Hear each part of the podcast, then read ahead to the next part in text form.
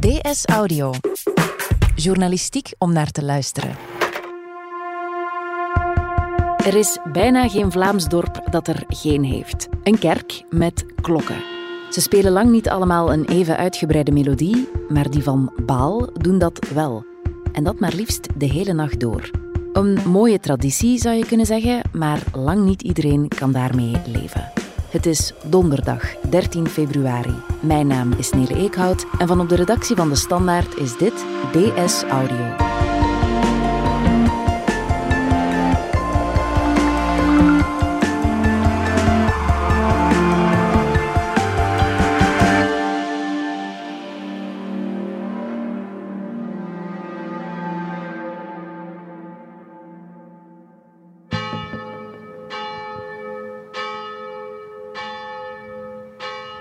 Peter van Tichem, binnenlandjournalist. Dit zou eender welke straat kunnen zijn, in eender welk Vlaams dorp. Maar waar zijn we? We zijn in Baal. Baal is een deelgemeente van uh, Tremelo mm -hmm. in de Zuiderkempen. Het is een uh, liefelijk dorpje met een 3000 inwoners. Mm -hmm.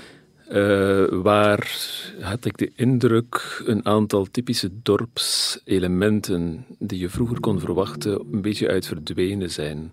Ik denk aan winkels, het café, uh, dat is in veel Vlaamse dorpen het geval. Maar er staat nog een kerk, de Sint-Anna-kerk, en daar hangen klokken in. Over die klokken, wat horen we precies? Is hier sprake van een bijaard? Nee, er wordt veel gesproken over de bijaard van Baal. Uh -huh. De inwoners zijn daar terecht heel fier op. Maar we moeten streng zijn. Het is geen bijaard. Want een uh, bijaard is iets dat erkend is, dat is een soort erfgoed. En daar heb je minimaal 23 klokken. Meestal zijn er 50 klokken voor nodig. En die worden gespeeld met een bijaardklavier. Je kan dus eender welke melodie op de bijaard spelen. Bijvoorbeeld in Nederland, toen David Bowie stierf, speelde op een bepaalde bijaard iemand live on Mars. En dat is dan viraal gegaan in de wereld. Iedereen vond dat prachtig, omdat een bijaard natuurlijk een traditie is. Je vindt die in Vlaanderen en Nederland en Frankrijk. We vinden dat normaal. Maar veel landen kennen dat niet. Mm -hmm. Goed, Baal heeft geen bijaard, maar een automatisch speelwerk. Dus door Baal weer klinkt niet Live on Mars maar wel iets anders. Het is een automatisch speelwerk. Dat wil zeggen dat je daar een aantal klokken hebt, dertien om wel te zijn, dertien kleine klokken. En die worden aangedreven als een mechanisme. Met een vrij ouderwets, uh, interessant gegeven, dat je dus een soort metalen rol hebt waar allemaal uitsteeksels zijn die dus de noten eigenlijk aangeven. En dat kan draaien. Er zijn drie muziekjes die gespeeld worden door het automatisch speelwerk, wat men dus daar de bijaard noemt. Mm -hmm. Het langste is in Lourdes op de Bergen en dat wordt op het uur gespeeld.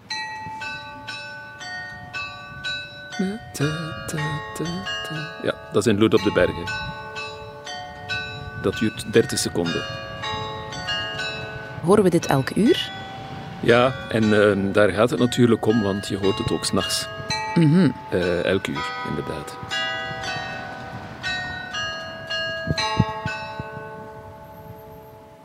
Oké. Okay. Oh. En dan heb je op het kwartier, kwart na het uur en kwart voor het uur, een stukje dat bestaat uit vier noten. En daar is iets interessants over te vertellen, want dat is waarschijnlijk wat men de voorslag noemde. De voorslag, dat is iets van lang geleden. En dat is als vroeger de luidklokken, dus niet de bijaard, maar de klokken die de uren slaan, die waren heel belangrijk voor de mensen, omdat de mensen moesten weten hoe laat het was.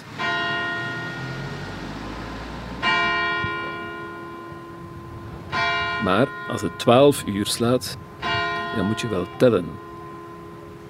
En dan kan het zijn dat je niet alert genoeg geweest bent toen het begon en dat je een tel mis bent. En dat is nogal belangrijk, want je moet op tijd thuis zijn voor het eten en zo. Stel je voor, die mensen op het land werken. Dus men speelde een voorstukje om de mensen te alerteren. Opgepast, de uren komen eraan. U moet beginnen tellen. Het is zo'n klein melodietje van een viertal tonen. En in Baal speelt die voorslag op de kwartieren. Dus uh, dat is een overblijfsel van vroeger. Ja. Ja. Maar zonder de luidklokken erachter.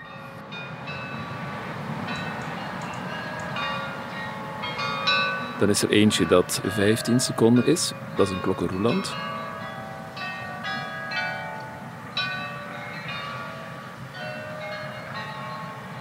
S'nachts rijden er geen auto's voorbij, dus het is het enige geluid dat je hoort. Dus de stilte is veel omvattender, waardoor het geklingel meer uitkomt.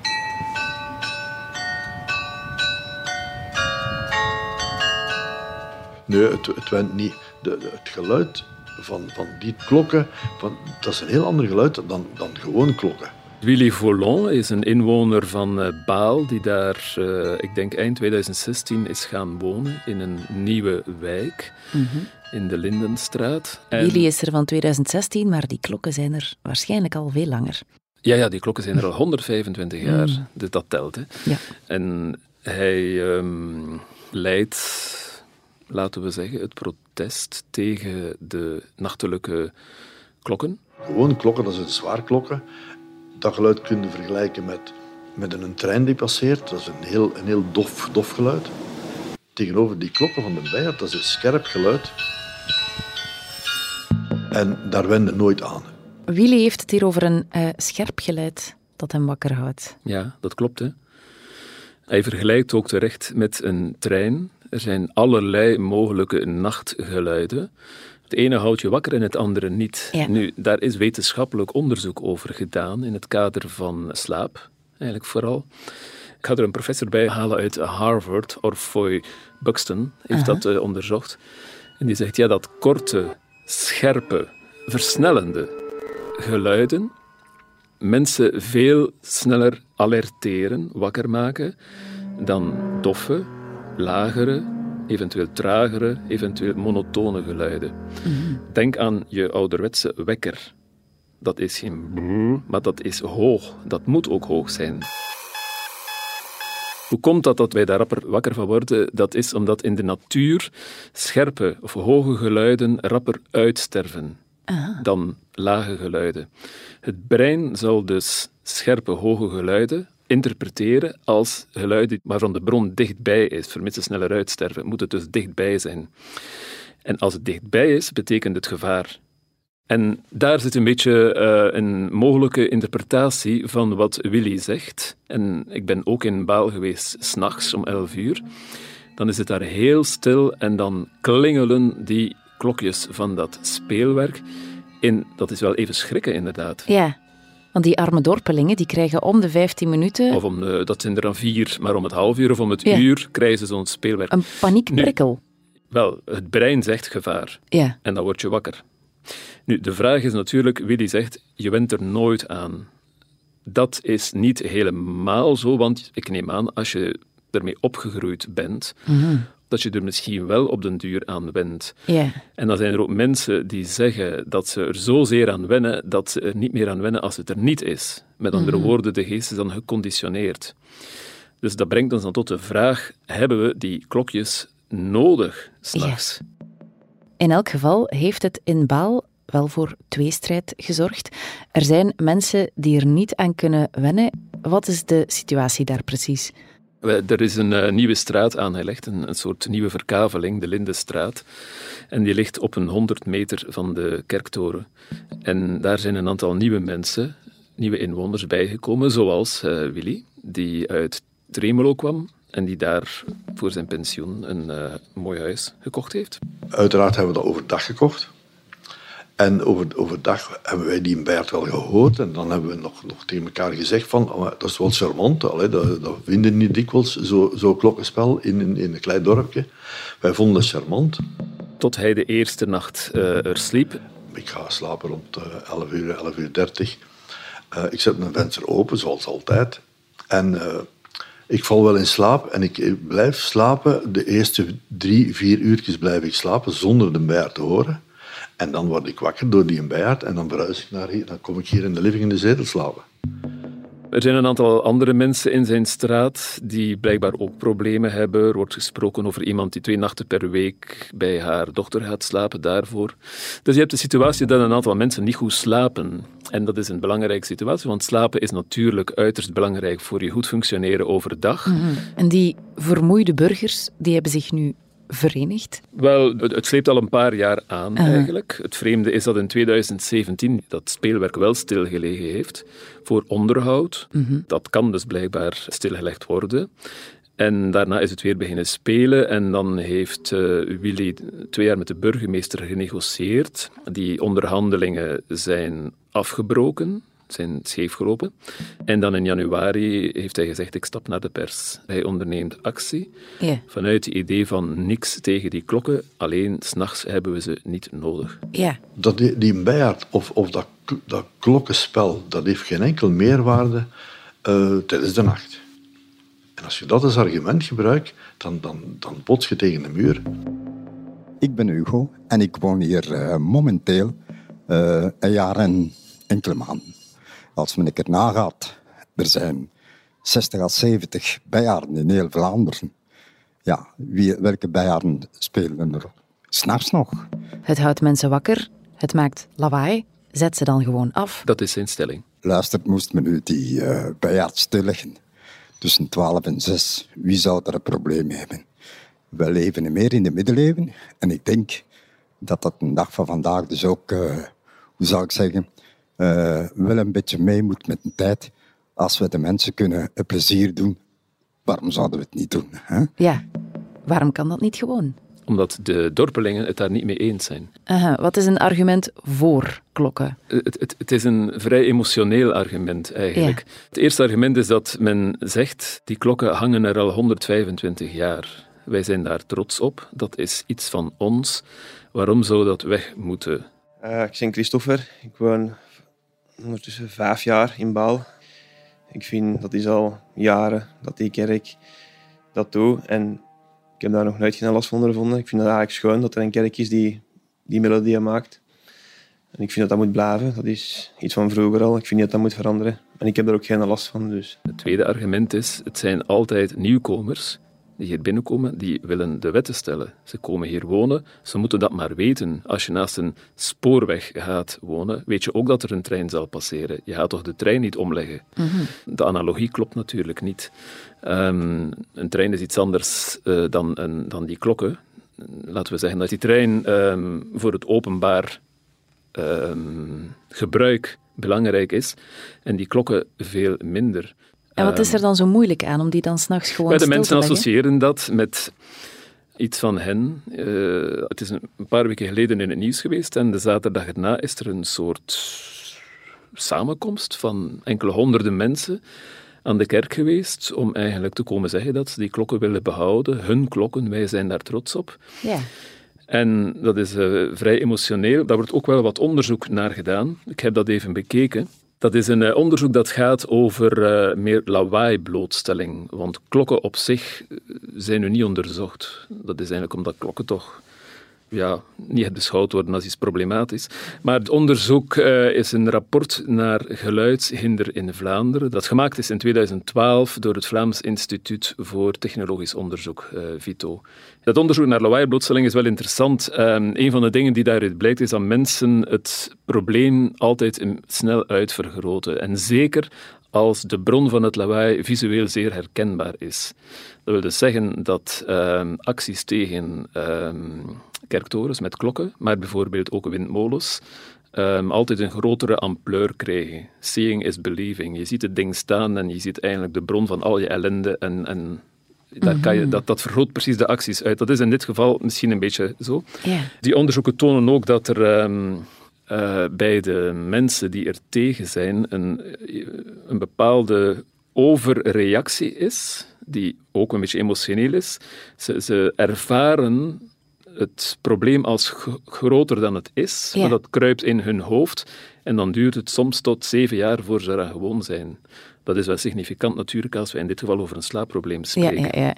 Wat moet een burgemeester daarmee doen? Hoe moet hij die eh, voor- en tegenstanders in zijn dorp dichter tot elkaar brengen? De burgemeester van Baal heeft geprobeerd de partijen te verzoenen. Hij heeft voorgesteld om de, het speelwerk stil te leggen tussen 12 en 6. En dat is door compromis. beide partijen als onaanvaardbaar beschouwd. Dus Willy en compagnie vonden het te kort, want dan worden ze om 6 uur gewekt en slapen ze maar 6 uur. En dat is te weinig, want je moet eh, toch acht uur slapen. En de mensen die de klokken willen houden, vonden het natuurlijk uh, not done. Dus de burgemeester laat het nu een beetje rusten. En in het dorp weer klinkt de idee, of zegt men een beetje dat de kerkfabriek het eigenlijk in de handen heeft. Ja. Oké, even voor de duidelijkheid, die kerkfabriek, wat moeten we daaronder verstaan? Een kerkfabriek beheert het uh, kerkgebouw. Hè. Zij zijn verantwoordelijk voor het beheer, het gebruik ervan, uh, wat er daarmee moet gebeuren. Maar om op uw vraag te antwoorden, het is de burgemeester die moet beslissen. Mhm. Dit gaat om uh, wat men noemt in de nieuwe gemeentewet nachtgerucht. En dat is de verantwoordelijkheid van de burgemeester. Ja. Hij kan in theorie zeggen, gedaan met die klokken. Maar hij weet dat er grote tegenkanting is in het dorp, dat er sociale onrust is en hij verkiest een zachtere aanpak. Ja. Die Vlaamse klokken die hebben uh, niet meer de functie die ze vroeger hadden. Wel, even corrigeren, de luidklokken slaan natuurlijk nog de uren. Hè? Ja. Laten we dat maar houden. Hè? En, uh, maar in een aantal gemeenten zijn die luidklokken s'nachts ook stilgelegd. Hè? En in Baal hoor je die luidklokken dus ook niet meer s'nachts? Nee. Welke functie kunnen klokken dan nog hebben naast het uur aangeven? We moeten niet vergeten dat kerktorens het eerste massamedium waren. Hè? Ja. Dat was het, uh, het, eerste medium dat mensen uh, verenigde, niet enkel om de uren van de tijd uh, weer te geven, maar ook om een heel aantal sociale gebeurtenissen aan te geven. En dat gebeurt eigenlijk vandaag nog. Mm -hmm. zo was ik bijvoorbeeld zelf redelijk verbaasd om te horen dat ehm, er nog altijd codes verwerkt zitten in die luidklokken. Hm. Bijvoorbeeld, je kan horen aan de klokken of het een man is of een vrouw die begraven wordt. Als er iemand gestorven is, zullen de avond de klokken luiden. En als het een man is, dan beginnen de klokken te luiden met een zware slag. Ah. En als het een vrouw is, met een lichte slag. Interessant. En zo waren er vroeger heel veel codes. Er waren ook heel veel klokken. Hè. Boerderijen hadden ook klokken en zo. Maar uh, los daarvan uh, vond ik het een interessante vaststelling om te zien dat in een aantal uh, landen in de wereld klokken die dus eigenlijk een massamedium waren, gebruikt worden opnieuw als een soort sociale berichtgeving, als een soort um, ondersteuning of oproeping tot of van protest, als het ware. In de Filipijnen hebben de klokken geluid als protest tegen de lokale drugsoorlog die daar plaatsvond. In Griekenland was het dan tegen de transgenderbeweging. Mm -hmm. In Genève hebben de klokken geluid voor gendergelijkheid dan in Victoria, Australië, tegen de klimaatproblematiek. En het meest recente is zelfs in Engeland is een discussie geweest omdat de voorstanders van de Brexit opriepen om de klokken te luiden, dus op de dag dat Engeland officieel uit de EU stapte. En zij zei dat ze dat moesten doen omdat, omdat de eerste keer zou zijn dat dat gebeurde sinds het eh, einde van de Tweede Wereldoorlog. En de overwinning van de geallieerden en de associatie is natuurlijk, toen werd Engeland weer een vrij land en nu door de brexit worden we weer een vrij land. Dus die voorstanders riepen op om overal in Engeland de klokken te luiden. Zie je, ze grijpen terug naar dat symbool, maar dan met een heel andere functie. Maar de bisschoppen in uh, Engeland hebben zich verzet, omdat ze zeiden, ja, die brexit is geen unanieme beslissing. Dat verdeelt het land heel erg. En door die klokken te luiden ga je het land nog meer verdelen. En bovendien, klokken moeten geen politieke rol spelen. Mm -hmm. Dus hoe actueel, hoe nieuw het ook is, je ziet altijd echo's van oude uh, spanningen, spanningen en krachten. En het mooie is dat die torens met die klokken, die staan daar nog en die worden dus nog steeds gebruikt. Die krijgen nieuwe betekenissen. En... Um, die maken nog steeds heel veel emoties los. Dus ze zijn eigenlijk springlevend. Ja. Peter van Tighem, dank je wel. Graag gedaan. Dit was DS Audio. Wil je reageren? Dat kan via dsaudio.standaard.be. In deze aflevering hoorde je Peter van Tighem, Willy Volon, Christophe Cambrai en mezelf, Nele Eekhout. De redactie gebeurde door Robbe Klaas. Eindredactie door Anna Korterink. Joris van Damme deed de audioproductie. Brecht Plasgaard schreef de muziek die je hoorde in deze podcast. Chef audio is Wouter van Driessen. Vond je deze podcast interessant? Weet dan dat je er elke werkdag in kunt beluisteren. Dat kan via de DS Nieuws app of via standaard.be-audio. Je kunt je ook abonneren via Apple Podcast, Spotify of de podcast-app van je keuze. En als je daar dan toch bent, schrijf gerust een review. Zo toon je ook anderen de weg. En we vertellen met de standaard natuurlijk niet enkel in onze podcasts over wat er in de wereld gebeurt. We doen dat ook in de krant en online. Benieuwd naar een abonnement? Ga dan zeker eens kijken op standaard.be-voordelig. Daar ontdek je ons aanbod en de promoties. Morgen zijn we er opnieuw.